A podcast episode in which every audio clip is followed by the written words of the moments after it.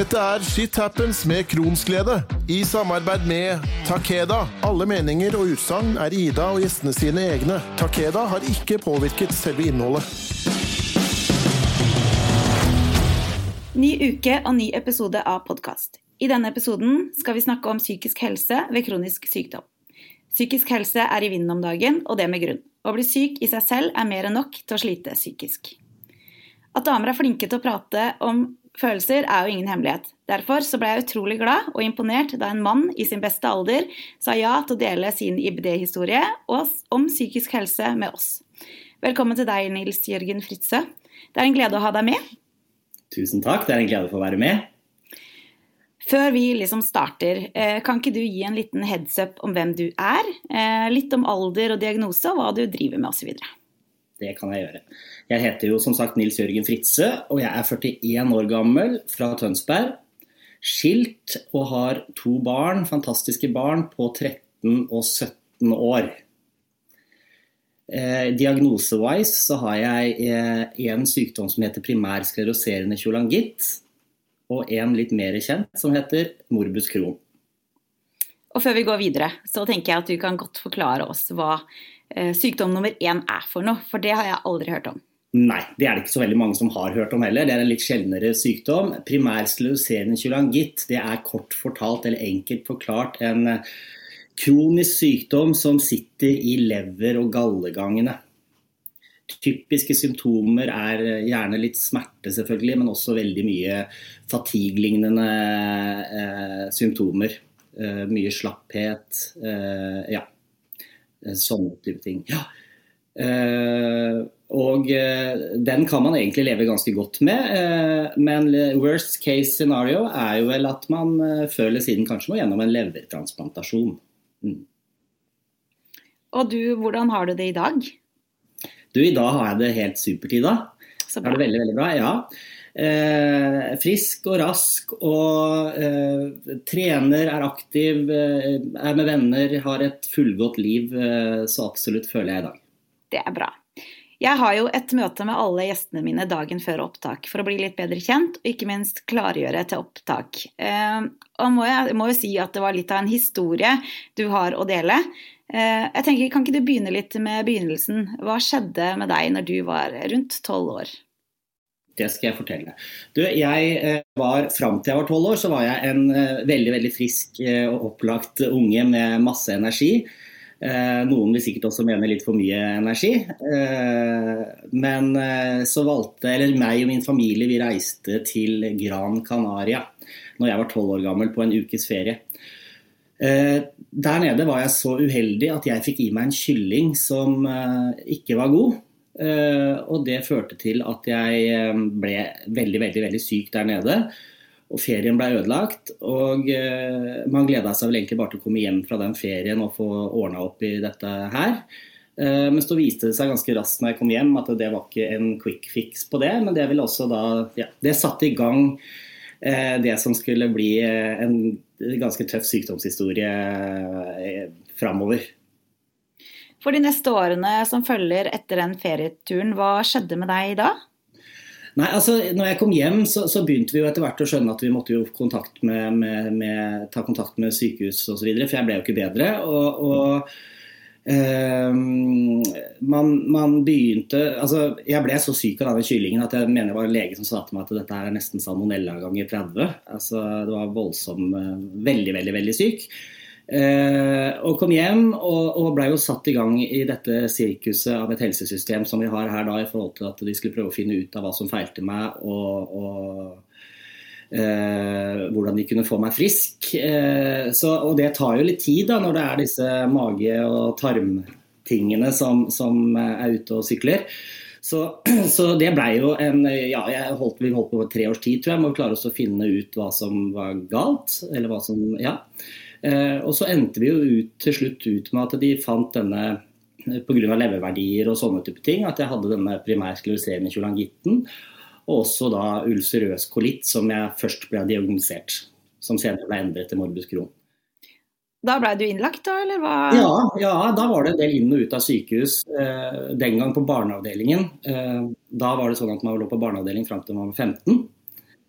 Eh, så, så, mye inn og ut av sykehus de tre årene, og mye sånn leting i blinde. Eh, så man ble jo egentlig litt sånn glad når man var 15 år og til slutt fikk noen diagnoser. Da er det litt lettere å begynne å behandle, selvfølgelig. Absolutt. Eh, og når du er på sykehus, er det selvfølgelig gjennom mange undersøkelser. Hvordan har det vært for deg? Har, noen, eh, har, har det gått greit, syns du? Ja, altså jeg har aldri vært noe tøffing når det kommer til eh, sykehus. Vært redd for nålstikk og blodprøver og alle de tinga der. Eh, men jeg vil jo si at jeg, eh, jeg syns det har gått greit. Men, men, det er klart at når man har gjort kolonoskopi 50 ganger, så, så, jeg vet at ikke det er din favoritt. Ikke i det hele tatt. Nei. nei så, så, og det er sånt man ikke blir vant til. Det blir ikke noe bedre neste gang. Uh, nei. Så det, det, er jo tøffe, tøffe undersøkelser. Uh, kolonoskopi, gastroskopi, leverbiopsi. sånne type ting er jo som man må gjøre disse gjentagende ganger. Det er Jeg husker det som et lite mareritt, altså. Jeg synes det var tøffe, tøffe undersøkelser. Og jeg kan tenke meg at jeg var jo 17-18. Jeg kan tenke meg at som enda mindre, så må du jo En ting er at når du er 17, så forstår du jo litt mer at dette er noe du må igjennom. Mm. Men jeg ser jo bare på min datter som er 11. Jeg tror ikke hun hadde helt forstått uh, at dette er noe du absolutt må, på en måte. Uh, som barn så er det litt vanskeligere. Ja, det har du helt, helt rett i. Og jeg, jeg, jeg husker jo min mor. altså Første gang jeg skulle gjøre denne kolonoskopien, så var man vel 12-13 år eller noe sånt. Og, og Ehm, det, verste den gangen, jeg visste jo ikke hva undersøkelse innebar, men du måtte få i deg jeg tror det var to liter saltvann. Ja, helt grusomt, ja. Forferdelig. og Jeg husker mamma gjorde hva hun kunne for å få ned disse to literne. Eh, det var ikke en enkel, enkel øvelse. Uff a meg, ja. Jeg tror de fleste som har vært gjennom det, har en sånn skrekkhistorie. eller altså, får nesten sånn flashback bare en begynner å snakke om det. Eh, men så var det jo sånn at eh, du blei liggende på sykehus eh, mye framover, du var mye syk. Du har snakka litt om dette her med utdannelse, vennskap og sånne ting. Hva, hva skjedde videre? Nei, altså Fra jeg var 15 eh, år, når man ble liksom flytta over fra, fra barneavdelingen og over til voksenavdeling eh, på sykehuset, eh, så fikk jeg jo disse diagnosene etter hvert. Og, og, da starter de jo å behandle det. Eh, eh, med mye, mye forskjellige medisiner og medikamenter, men også veldig viktig eh, med våre typer sykdommer at tarmen får mye hvile. Så Derfor så ble det veldig lange sykehusopphold, for du måtte få næring intravenøst. Eh, så Derfor så lå man jo lenge om gangen. Og jeg sa jo til deg i går Ida, at jeg har ligget ca. tre år på sykehus totalt sett. Og de aller, aller fleste ukene og månedene, det er altså fra jeg var ja, si fra jeg var 12 til jeg var 20, da, eller i ungdommen. Og da ble det en utfordring i forhold til å klare å gjennomføre skolegang. Jeg mista så å si hele andre klasse på videregående, jeg mista mesteparten av niende klasse på ungdomsskolen. Eh, så, så, det er klart at eh, skole og utdanning kom i annen rekke den gang. Da handla det mer om å overleve. Eh, men så er det jo sånn med kroniske sykdommer at de, de svinger jo opp og ned. Så når jeg hadde gode perioder og ikke lå på sykehuset, så var jeg sosial. og jeg jeg ehm, hadde et stort uh, nettverk av venner. Masse gode venner. Uh, og, og uh, de tok veldig godt vare på meg og var hyggelige og snille og kom og besøkte. Jeg hadde alltid en god vennegjeng rundt meg på sykehuset. Mm. Det er jo kjempebra.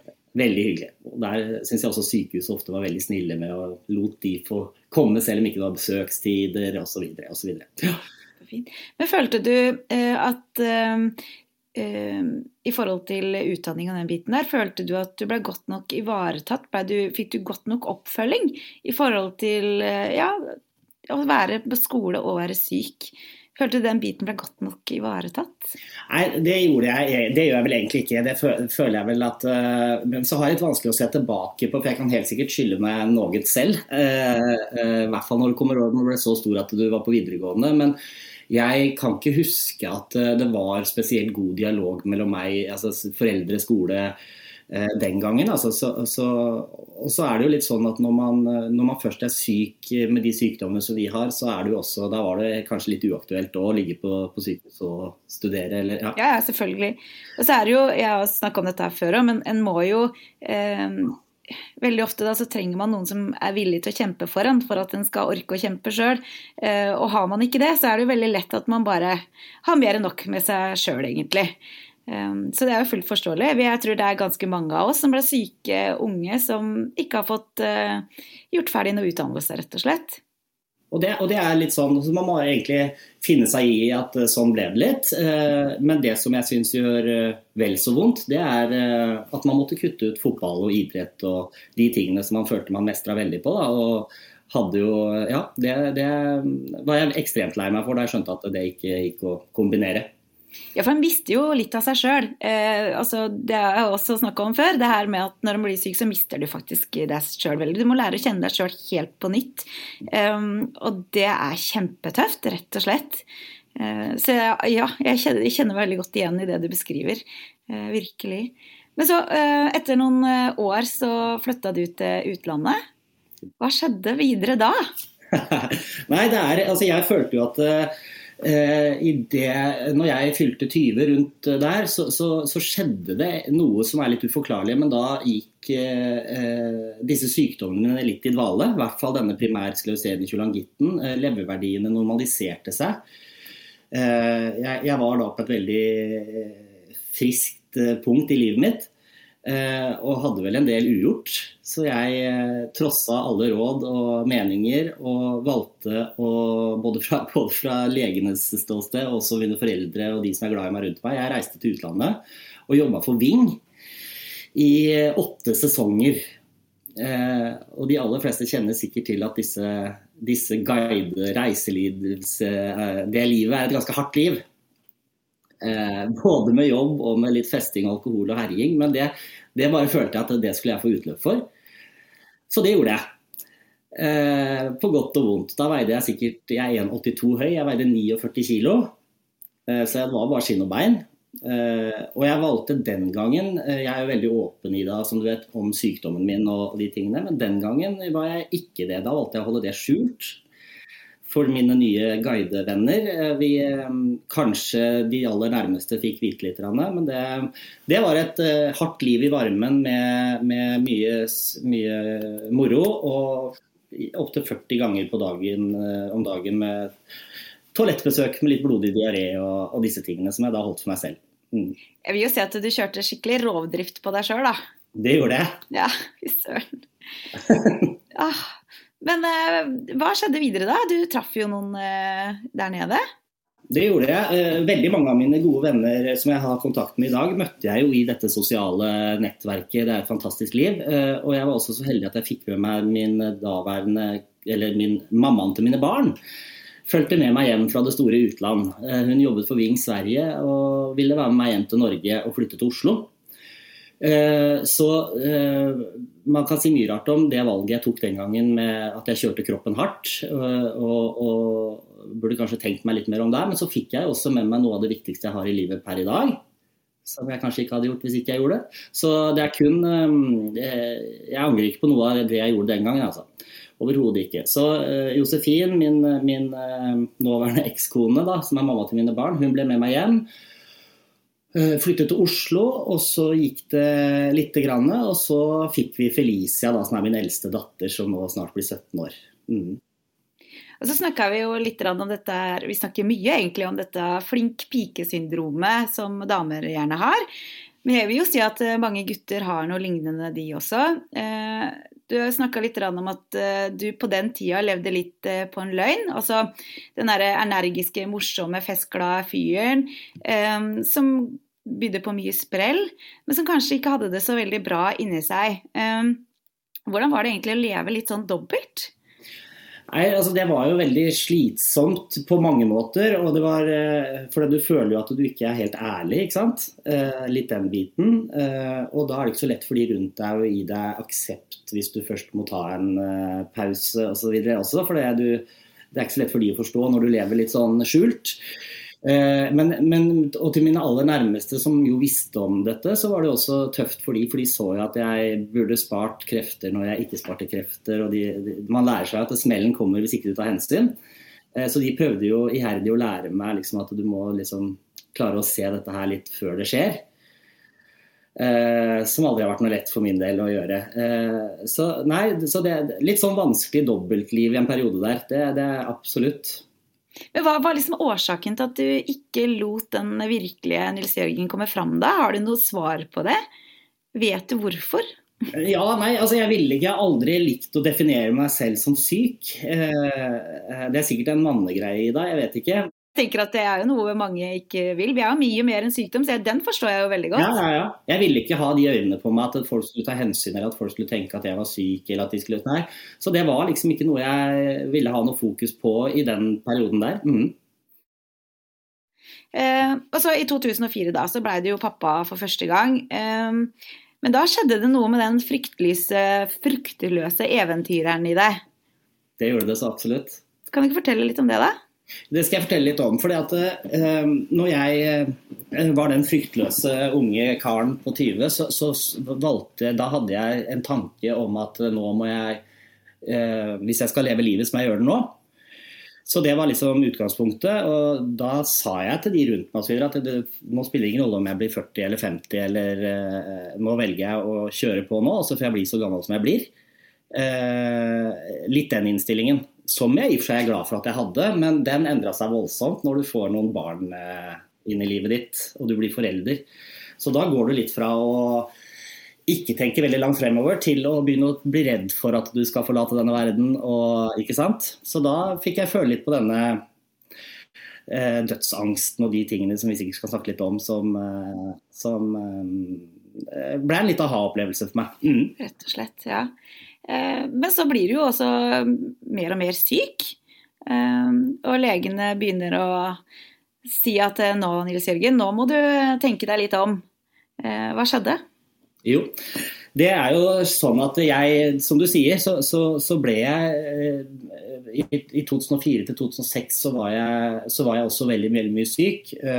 Og legene begynte å snakke skarpere og skarpere til meg og si at nå, Nils Jørgen, så vil vi ikke ta ansvar for deg lenger hvis ikke du gjør som vi sier. Og da fikk jeg beskjed eh, vinteren eh, 2000, der vi går inn i 2006, om at nå må du eh, legge ut tarmen. Få pose på magen. Eh, dette er jo en problemstilling som jeg hadde hørt om og som jeg hadde visst om siden jeg var ung eller liten, og som var min største frykt. Min aller største frykt. Man sa vel den gangen at man heller ville dø enn å måtte gjøre den operasjonen. Eh, og Første gang de skulle operere meg, var, da var jeg 17 år. Eh, og da stakk jeg av fra sykehuset. Såpass, ja. Mm. så da Det ville jeg ikke være med på. Eh, og det var jeg jo glad for, for tenk på alle de fine åra jeg fikk da fram til ja, selvfølgelig. Ja. 2006, hvis man ser sånn på det.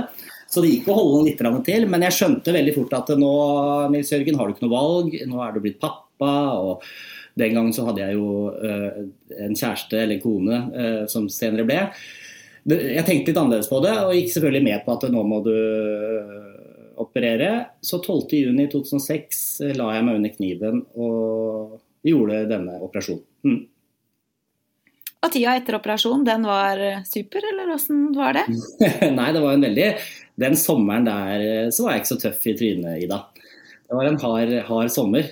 Heldigvis var det fotball-VM, så jeg hadde noe å se på på TV. Ja, det, Enda godt. Ja. Enda godt.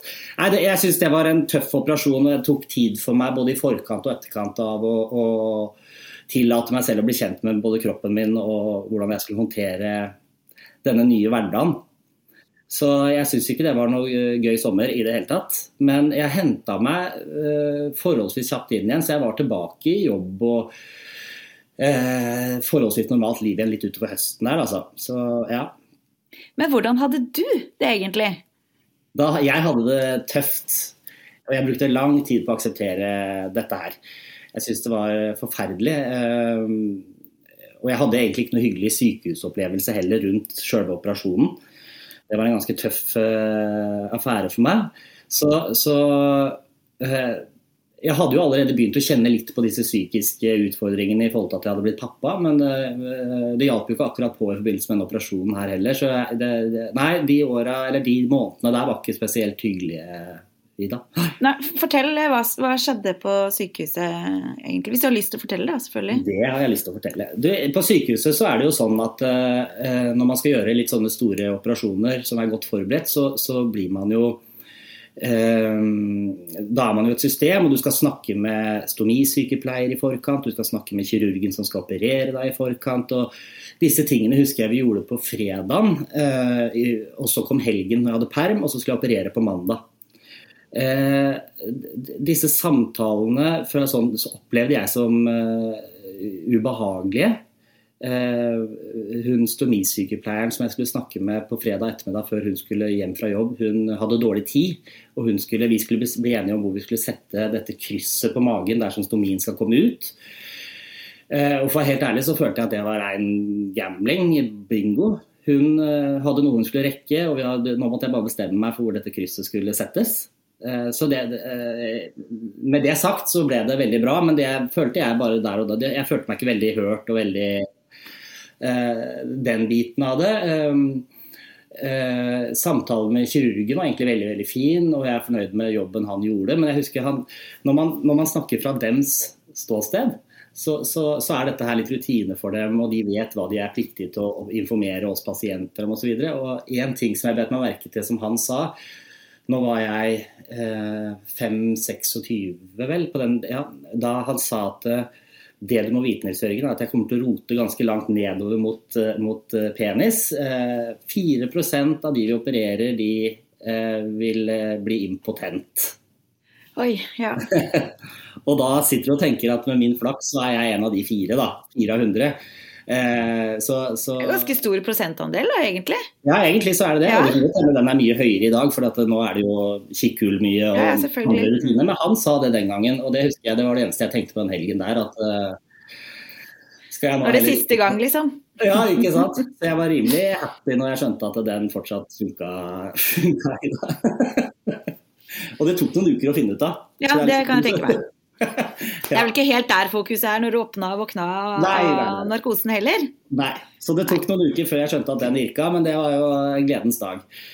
Så, men, men, så eh, En litt eh, alvorlig historie er jo når jeg våknet opp fra narkosen. Eh, så våknet jeg opp på oppvåk og merket fort at jeg hadde ekstreme smerter i mageregionen der hvor de hadde operert. Uh, og jeg var heller sikkert ikke en hyggelig uh, pasient da, for jeg var redd og jeg var sint og var, det var mye følelser. Uh, men jeg blei, opplevde at jeg ikke blei hørt. fordi at Dems oppfatning er at når du har så store smertestillende doser i kroppen, hadde epidural, smertepumpe, så kan man ikke ha smerte. Så det jeg var, det var hysterisk og redd. Så jeg fikk mye beroligende. De prøvde å roe meg ned, det gikk ikke. Og jeg ble på et eller annet tidspunkt flyttet ned på den avdelingen hvor jeg skulle øh, være, og fortsatte med store smerter. Og det tok 36 timer før det kom inn noen som ville høre på meg og, og virkelig begynne å sjekke meg. Og da viste det seg at de hadde stukket epiduralen feil, så de hadde da bedøvd meg fra, eh, fra brystet og opp istedenfor brystet og ned. Så jeg hadde altså ikke bedøvelse i, i Og det er for ille at det skal ta 36 timer ett og et halvt døgn og bli hørt. Og det gjør jo noe med hele eh, tiltroen til sykehuset seinere også. Visst. Eh, mm. Det har så mye, og det, så, og det, er, det er jo litt der min kjepphest ligger også i forhold til å ha denne praten med deg og ha denne praten i andre foraer. At uh, det, må, det, må, sykehus og de folk rundt få høre. At uh, en av de viktigste jobbene de har, det er faktisk også å høre litt på på hva vi sier. Det hadde jo ikke kosta deg mye å tatt en sjekk, på en måte? Det er en isspray hvor de sprayer deg på kroppen for å se om du hadde ikke sant? Så det, det, en, det, tok dem to sekunder når de først gjorde det. Eh, så den staheten de da sitter med, den, den, eh, det er ikke bra. I det hele tatt. Så det var en tøff, tøff start på, på, på dette stomilivet.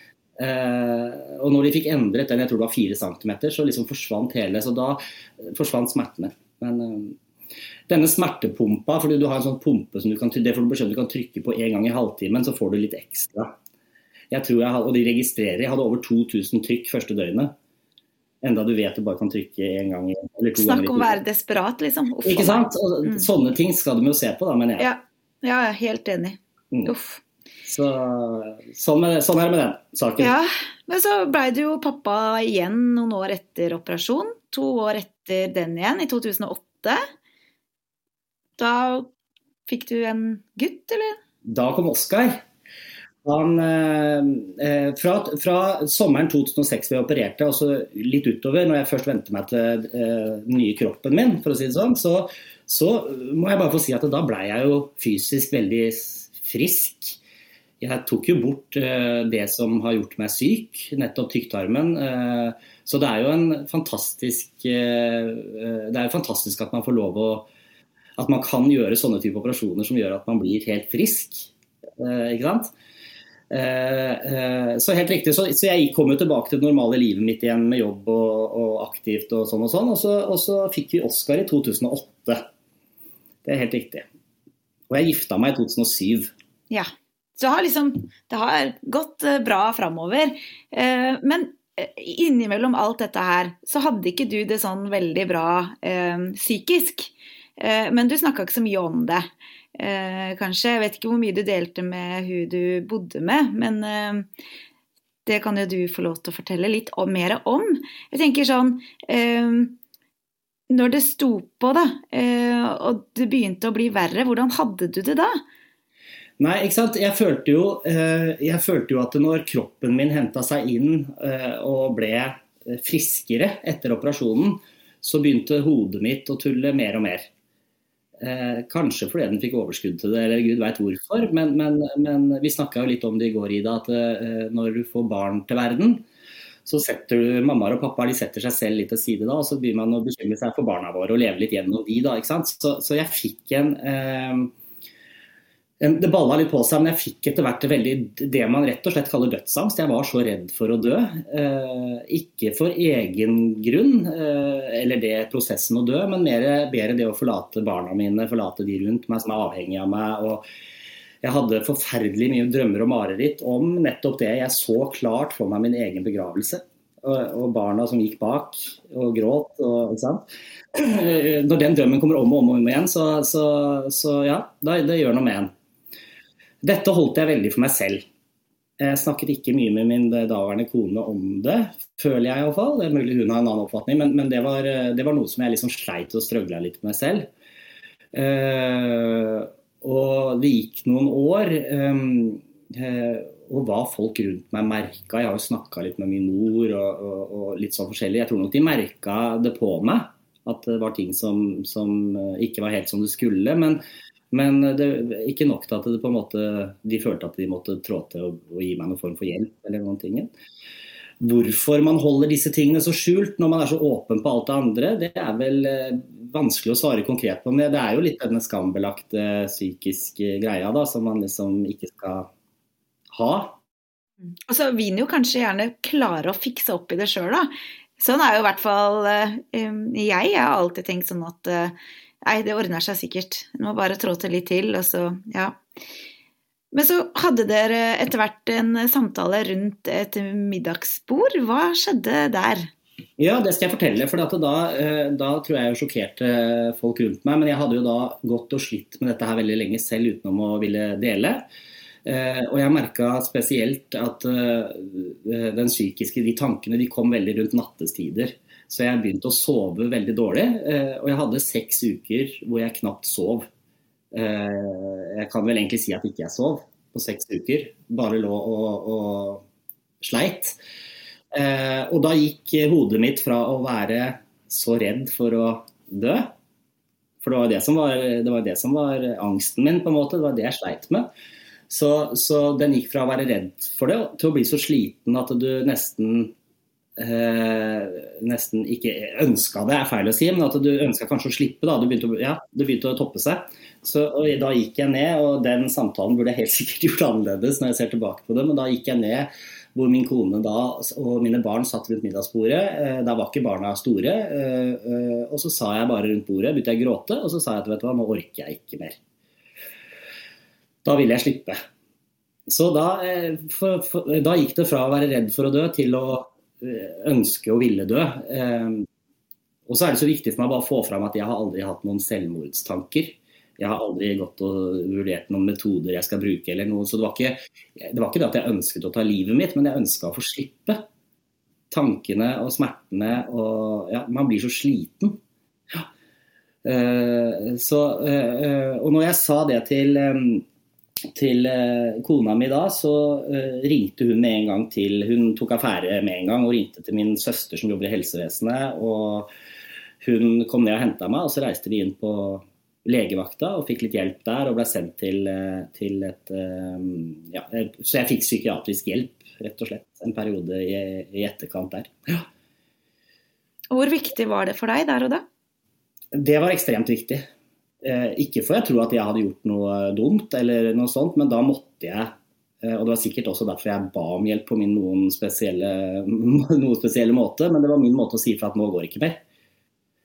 Eh, så, så, det var jo veldig veldig bra at jeg tok den samtalen og at de heiv seg rundt og hjalp meg. Eh, men, eh, men, når man ser tilbake på sånne ting, så kunne man jo sikkert lagt det fram litt annerledes. og, og gjort det litt på, Men sånn, sånn, ble det. Jeg fikk iallfall hjelp med en gang. Eh, og da var jeg vel ca. i en måned til seks uker så var jeg skrevet inn på en psykiatrisk avdeling her i Tønsberg.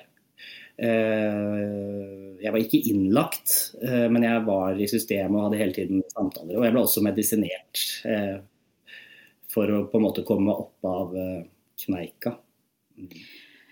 Eh, når jeg sitter og, og, hører på dette her, så må jeg spørre deg om en ting. Eh, mener du at eh, det psykiske kanskje bør legges litt mer vekt på når man får en, en kronisk sykdom eller blir syk, langtidssyk, enn hva det gjøres i dag? Så absolutt, Ida. Og det er jo også blitt litt av grunnen til at vi sitter her og snakker. fordi at når, man, når, man, får kroniske sykdommer, sykdommer som man skal ha med seg eh, resten av livet eller store deler av livet, så, så er det en enorm eh, omveltning. Det er mye man må gi slipp på. det er mye man må... Men så kommer man inn i veldig sånne konsentrerte avdelinger på sykehuset til spesialister.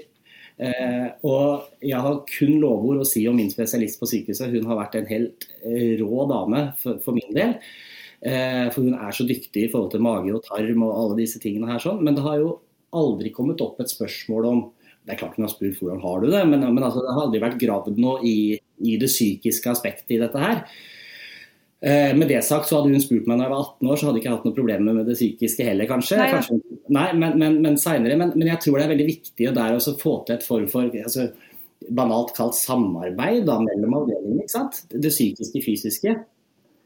Eh, det er jo fraværende, eh, er min opplevelse på det. Eh, men ekstremt, ekstremt viktig tror jeg det er at når det kommer sånne sykdommer som vi har, at man får inn mye mer fokus på det psykiske. Mhm. Jeg tror det kan være med på å både hjelpe en som er syk, men også de pårørende. Da. Fordi eh, det forandrer jo en hel familie. Det å, å, få et sykt barn eller en syk kjæreste eller Altså, det er kjempetøft. Eh, og jeg mener jo at det burde vært en helt annen form for opplegg både for den syke og de pårørende enn hva det er i dag. Og jeg tror det hadde vært en stor eh, ja, forbedring av selve helsevesenet om de hadde klart å jobbe mye bedre sammen på tvers av avdelinger enn hva de gjør i dag. Det er i hvert fall helt sikkert. Veldig enig. Veldig enig. Men hvorfor tror du det å snakke om psyken er litt vanskeligere for menn da, enn for oss damer? Ja, nei, altså det er, jo, det er, jo, et godt spørsmål. Jeg tror eh, sånn På generelt grunnlag så tror jeg jo dere damer er veldig mye flinkere til å snakke om, eh, om eh, følelser, mer sånne type ting sånn på generell basis enn hva vi menn er. Eh, dere snakker sikkert mer enn oss på generell basis òg, eh, men i hvert fall når det kommer på disse psykiske tingene, er jo tabubelagt, og det går på svakhet. Eller det, gjør det jo ikke, men det assosieres jo gjerne ofte med, med svakhet. Så for oss menn, da, så er jo det liksom eh, så ekstremt vanskelig å snakke om. Fordi vi vil ikke bli opplevd som svak psykisk. Eh, jeg ser bak meg selv, jeg bryr meg ikke veldig mye om hva folk mener og tenker om meg, men, men eh, så åpen jeg har klart å være om min sykdom, og så langt inne da sitte for meg å snakke om det psykiske, som faktisk er første gang jeg gjør nå i dag, Ida, sammen med deg. Jeg sitter så pris på det, altså. for det er, det er, så vanskelig å snakke om. Eh, samtidig så er det så viktig å snakke om det, for det gjør, det gjør, så, det gjør ti ganger vondere gjerne enn det fysiske. Eh, det, det, det, vanskeligste jeg har gjort i livet, er selvfølgelig å ta bort denne tarmen min. Samtidig så ville jeg heller gjort det en gang til enn å ha fått disse dumme tankene i hodet. så vondt gjør det. Mm. Og så tror jeg det også har noe med at uh, det fysiske er så lett for andre å forstå. Da. Uh, har du ja, operert en tarm, så man ser det så tydelig. Du, uh, sliter du med psyken, så er det mye vanskeligere for andre å forstå hvor, hvordan du faktisk har det, og at det er noe galt. Og så er det litt sånn at det er litt tabubelagt òg, dette med psyken. Så det blir sånn at du, du, føler nesten at hvis du sier til noen at du har slitt psykisk, så må du nesten Men jeg er ikke gæren, altså. altså sånn, ikke sant? De, de, assosierer det litt med å være at du har blitt gal. Uh, så, så, det også er sånn at du føler at du må forsvare og forklare, ikke sant? Uh, så, det er et touchy tema, da. Men veien tilbake, da, fra, fra uh, du var innlagt, eller innlatt, ikke innlagt, men fra du var i systemet da, på psykiatrisk til den du er i dag. Eh, eh, hva gjorde du for å på en måte For nå, nå, er det jo ikke noe tvil om at du har eh, det mye bedre enn det du Det starta med innledningsvis, men hvordan var veien? Den veien var jo Ja, ja det skal jeg forklare. Sånn, kort oppsummering her nå, så kan du si at fysisk sett så hadde jeg jo nedturen min i 2006 i forbindelse med, med stomien. Og så kom jo denne knekken her i 2009-2010 med, med, med, med, psyken. Og så har man jo øh, gjort øh, Jeg fikk jo veldig god hjelp først av psykiatrien, må jeg bare si. men deretter så, så, så, har jeg jo klart meg selv, men du fikk liksom noen knagger du kunne henge ting litt på. Jeg har jo jobba knallhardt med å prøve å snu litt tankemønsteret mitt og, og de tingene. Eh, jeg har valgt å være litt alternativ, så jeg har gått på alt fra mindfulness-kurs til, til eh, Jeg har vært innom yoga og gjort en del sånne type ting. Og prøvd å jobbe litt med, med hodet mitt. Og, og, ja, så det, så det, det, er jo, det, er jo, noe du tar tilbake selv og har jobba deg ut av selv. Eh, og så føler jeg at jeg har lykkes ekstremt godt med det. Og så skal jeg være flink til å si at hvis jeg hadde følt at ikke jeg hadde klart det selv, så hadde, tror jeg det vært mye lettere for meg å be om hjelp andre gangen. Eh, for når du gjorde det første gangen og du så at, uh, hvor fort de reagerte og hvor flinke de var og seriøse, så, så var det ikke så nederlag å be om hjelp. Altså. Så øh, ja. Og så er jo det, altså, Dette her med åpenheten rundt livet med kronisk sykdom, det er jo noe vi to har litt til felles. Mm. Eh, og du har jo som meg egentlig brukt din egen historie til å hjelpe andre. Eh, du holder litt foredrag og, om livsmestring og sånne ting. Eh, fortell litt, hva, hva gjør du? Nei, altså det, som sagt, der har jeg vært eh, eh, Når jeg var ferdig med operasjonen i 2006, eh, så følte jeg eh, da at det, var Eh, jeg følte at selv at det fantes veldig lite informasjon. Eh, eh, jeg følte det var, jeg skulle gjerne hatt en da som forklarte meg litt rundt. Gjerne en som hadde selvopplevd det, ikke bare en som hadde lest om det. altså en helseperson. Men, så, så, jeg bestemte meg ganske kjapt for at jeg vil gi noe tilbake til de som kommer etter meg.